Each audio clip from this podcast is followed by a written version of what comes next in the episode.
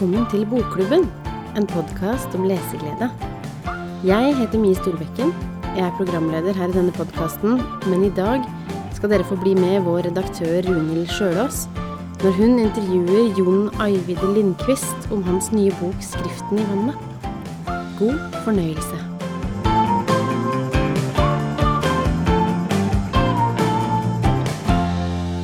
Tusen takk for at du har tatt deg tid til å snakke med oss, Jon Ajvide Lindqvist. Ja, då, det är ett nöje. Og gratulerer med veldig begeistrede anmeldelser i norsk allerede. Boka Ja. kom jo for noen dager siden bare. Ja, är jättefint. Jag är så glad att ni tycker om den. Eh, Ja, vi i Bokklubben har jo valgt 'Skriften i vannet' som hovedbok til våre medlemmer. Og det er den vi skal snakke om. Eh, Jeg heter Runhild Sjølås, jeg er redaktør i Bokklubben. Og jeg har jo vært så heldig at jeg har lest boka allerede. Så jeg tenkte først, for du er kjent for norske lesere, mange norske lesere fra storsuksessen 'La den rette komme inn'. Den var jo hovedbok i den norske bokklubben en del år siden nå. Du har jo 20-årsjubileum for boka neste år. Nästa år, ja. Vi ska förmodligen göra någon slags specialutgåva. Jag har även skrivit några noveller som är uppföljare till Låt den rätt komma in. Som ska ingå. Kanske också filmmanuset, vi får se. Så kult. Ja, for det var jo filmen alle skulle se, 2008. Ja, Men så har du nå skifta sjanger. For du har gått fra skrekkromaner til krimsjangeren. Jo Nesbø har akkurat gjort, gjort motsatt. Norske- Jaha, har han skrivit skräck? Ja. Jaha, okej. Så Det borde jag kolla upp. Han är, han är kul. Mm. Men før vi gyver løs på boka, så tenkte jeg da, for de av våre lesere som ikke kjenner deg fra før, hvem er du? Oj. Ja, jag är då jag är Eh, en svensk skräckförfattare som har skrivit, ett, jag har skrivit tio, tio romaner, ett antal filmmanus, pjäser.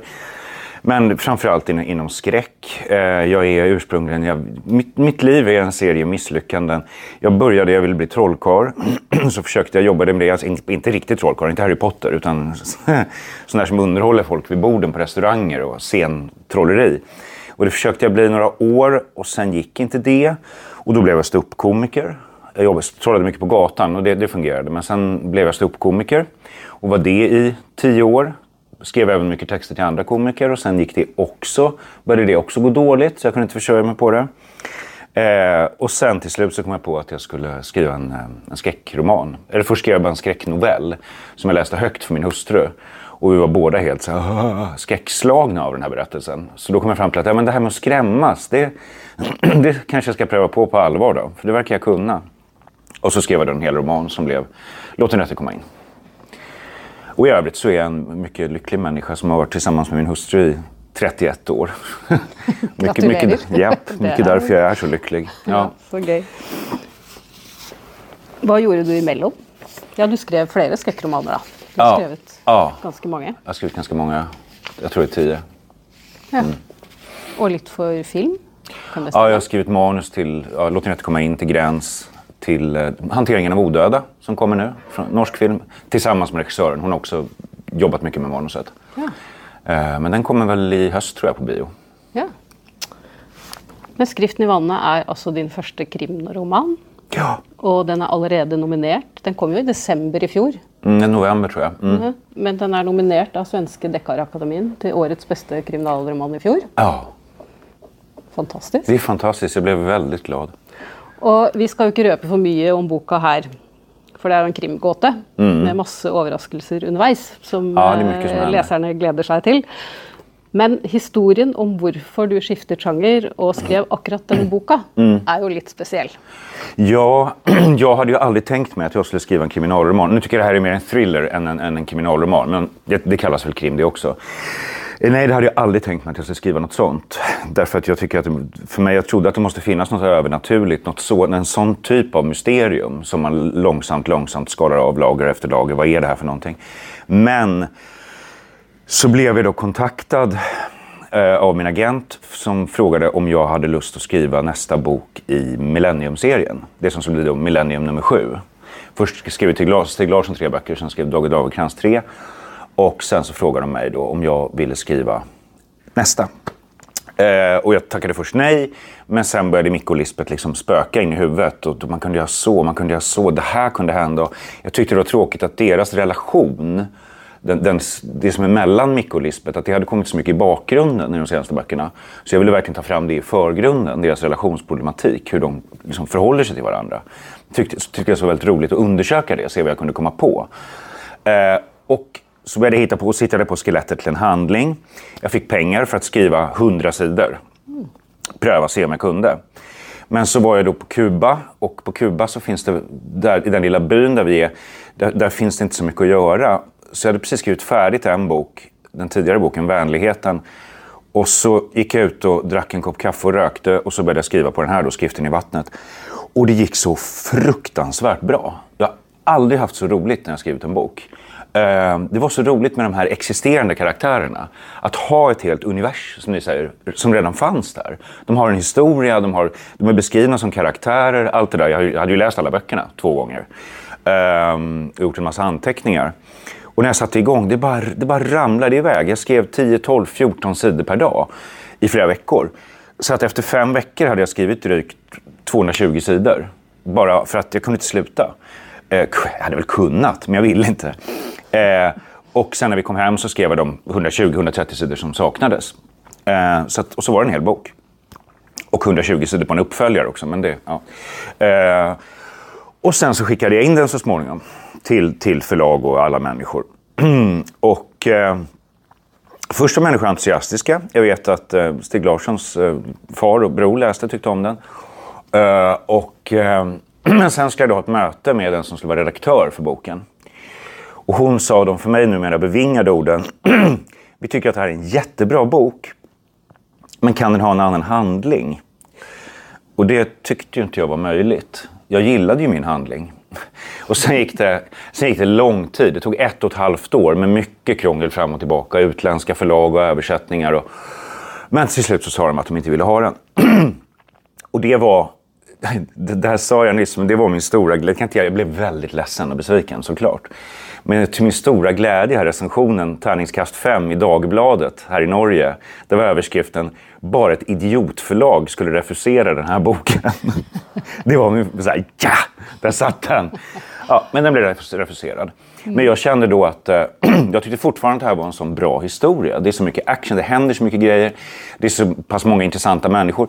Så att jag, jag måste försöka hitta på ett sätt att, att ändå få göra den. Jag kunde inte bara byta namn på personer. Det skulle inte gå. Det slår så tydligt att det, det går ju inte. Alla, alla syftningar bakåt och sådär i tiden skulle inte gå. Jag var tvungen att hitta på två helt nya huvudpersoner. Och för mig, den helt avgörande grejen var att jag kom på, ah, jag måste ha en datahacker. Det måste jag ha, för handlingen kräver det. Jag hade hittat på så mycket som hade med datorintrång och saker att göra. Men om jag kastar om könen, att jag gör så att det är en äldre kvinna och en yngre man. En äldre kvinna som är deckarförfattarinna och en yngre man som är datahacker. De eh, träffas, inleder en relation och dras in i, den här historien. Då, då, blev det väldigt, då blev det mycket intressantare. För när jag skulle skriva om men om jag hade gjort någon, någon ung tjej som liknar Lisbeth Salander och någon äldre kille som liknar Mikael Blomkvist, då hade det inte blivit något kul. Då hade det bara varit... Ja. Men nu fick jag liksom ordentligt arbe arbeta om deras, deras inbördes relationer och sådär. När det blev en äldre kvinna och en yngre man. Och då blev det roligt. Och det var viktigt. Så där, där är det. Julia Malmros, 50-årig deckarförfattarinna och Kim Ribbing, 28-årig datahacker. De träffas. Därför att, ska jag fortsätta prata eller vill du komma med en stickfråga kanske? Nej, jeg ble jo veldig begeistra for både Julia og Kim. Ja. Og Kim har jo en uh, mørk og mystisk fortid Ja.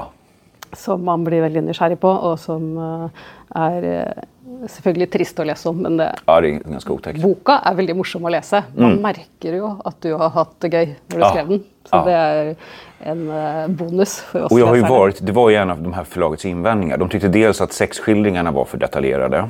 Micke och Lisbeth väl känsligt på något sätt. Eh, och så tyckte de att den var för rolig. Att det inte var så här roligt. Eh, och det är något som många recensenter har tagit fasta på. Att det tvärtom är väldigt bra att den är så rolig. Det noe av det man liker ved boka. Ja, och det är alltid så när jag skriver mina skräckromaner. Jag är, min, kom, min komikerhjärna finns ju där. och jag måste lägga band på mig själv. Ofta när jag skriver skräck. Och inte, jag, inte, inte vara för kul. Även om jag är ganska rolig där ibland också. Men här kunde jag släppa lös lite mer. Ja. Och se det absurda i vissa situationer och sådär. Ja. Det er jo mange likende karakterer i boka. Og Astrid, for eksempel.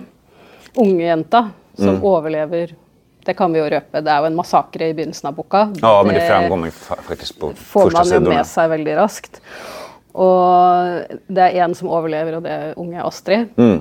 Og henne ble jeg veldig glad i da jeg leste. Hun Ja. er jo egentlig en ufordragelig selvopptatt tenåring til Ja, ja. Gud ja. Og så vokser hun Eller vi får følge henne videre Mm. og lære mer om henne, men hvordan fant du fram til henne?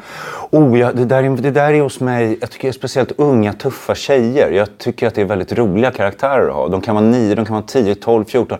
Jag har många eh, unga tjejer som är, som är på, skarpa på olika sätt i mina böcker. Jag tycker de är väldigt roliga att skriva om. Det blir något, eh, det blir något extra svung i det. När det är, och hon, Astrid har en mycket, mycket större roll i bok två som jag blev färdig med för några dagar sedan. Där, där kommer hon ut som sån här uh, con girl, som hon kallar sig själv. Att man, man spelar confidence tricks på människor för att lura dem pengar. Ja, och hon har massor med knep liksom, för sig. eh, och hon, nej, hon, är, hon är riktigt rolig i bok två. Eh, och så är hon veganaktivist dessutom. Ja, for det er jo morsomt. Ja. Den meldingen hun sender i begynnelsen av boka. Ja, just det. Mm, Midsummer is murder. Ja. Ja. Ja, nej, men jag tycker, jag tycker jag är mycket Det förtjust i begynner jo med et Astrid. smell, men både med humoristisk touch og Jag tror Astrid var en av de här typen av karaktärer som många, många, många tänker jag fram. Jag behöver den här och den här karaktären för berättelsen. Att det måste vara så här för att fungera. Men Astrid, hon, hon dök bara upp. Hon dök bara upp. När, hon, när jag skulle bara skriva prologen, den här massakern på midsommar, där hon sitter med sina stora glasögon, solglasögon vid bordet och bara hatar hela tillställningen och sin familj och allting. Och sen därifrån, jag, jag tror att hennes stora solglasögon, som ju faktiskt behövdes för handlingen, eh, så fick jag en bild av hur hon såg ut med de här glasögonen och det här, det här håret. Och någon, och så, nej, då har hon en vega- vegansk t-shirt, det, det verkar rätt. Typ. Och, så, och sen från det så bara växte hon fram väldigt snabbt. Hun vokser på leseren underveis. Jeg lurte litt også på samletittelen til bøkene som er planlagt nå, om Julia og Kim. Blodstorm. Blodstormen, ja. Mm. Jo, men du det? syf, det syftar då... Nej, men Julia har en, eh, en äldre kollega, eh, Irma Ryding, som också är en av Sveriges deckardrottningar. Från, fast hon är, nu är ju liksom en bit över 70. Eh, och hon, när hon får höra om det här, hon, vad som har hänt mellan Julia och Kim, så säger hon, "Ja, ja, ja. Så du är i blodstormen nu då? Feber, hallucinationer och hela härligheten. Även, det är Irma som egentligen döp, kallar hen, Julias alltså och Kims relation för en blodstorm. Och just för att det, är, det, det går så mycket upp och ner. Deras relation är väldigt viktig, viktig i berättelsen. Hur, hur de försöker närma sig varandra och sen går de isär i alla fall och säger fel saker. Och, alltså det, det sexuella också. Uh, relationen överhuvudtaget, de två, är en viktig framåtdrivande kraft i berättelsen. Och den, det var en ren ögonblickets ingivelse att Irma Ryding sa det här ordet blodstormen. Och sen tänkte jag att ja, men blodstormen, det är rätt tufft alltså. Det låter bra. Så, och det är också ett sätt att markera att Julia och Kims relation är en viktig del av handlingen i alla tre böckerna som det ska bli. Ja, blir det tre eller fire?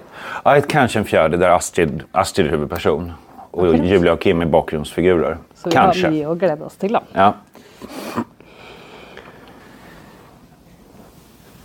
Jeg hørte i, i går noe jeg ikke visste om boka di. Mhm. For jeg var jo så heldig å få komme på lanseringen Mm. din i går hos Gyldendal Forlag. Og det var at den norske utgaven av boka litt annerledes enn den svenske. ja, det är... det? Det är min norske översättare Henning Gundersson, heter han? Gundersen, ja. Gundersson, ja. Som är en mycket nitisk översättare. Han nöjer sig inte bara med att översätta. Han, han, det, det är ingen, det, jag vet ingen annan översättare som jobbar så här. Jag vet att när en, en av mina böcker komma ut i Norge, då kommer Henning ha åsikter.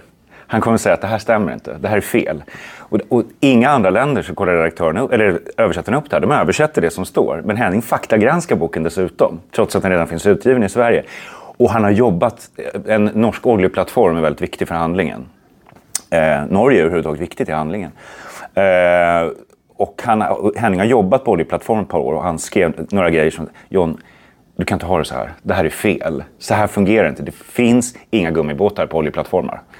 En helikopter står inte stilla på en oljeplattform. Den bara landar, släpper av folk, lyfter igen. Alltså han visste fyra, fem punkter som var bara fel.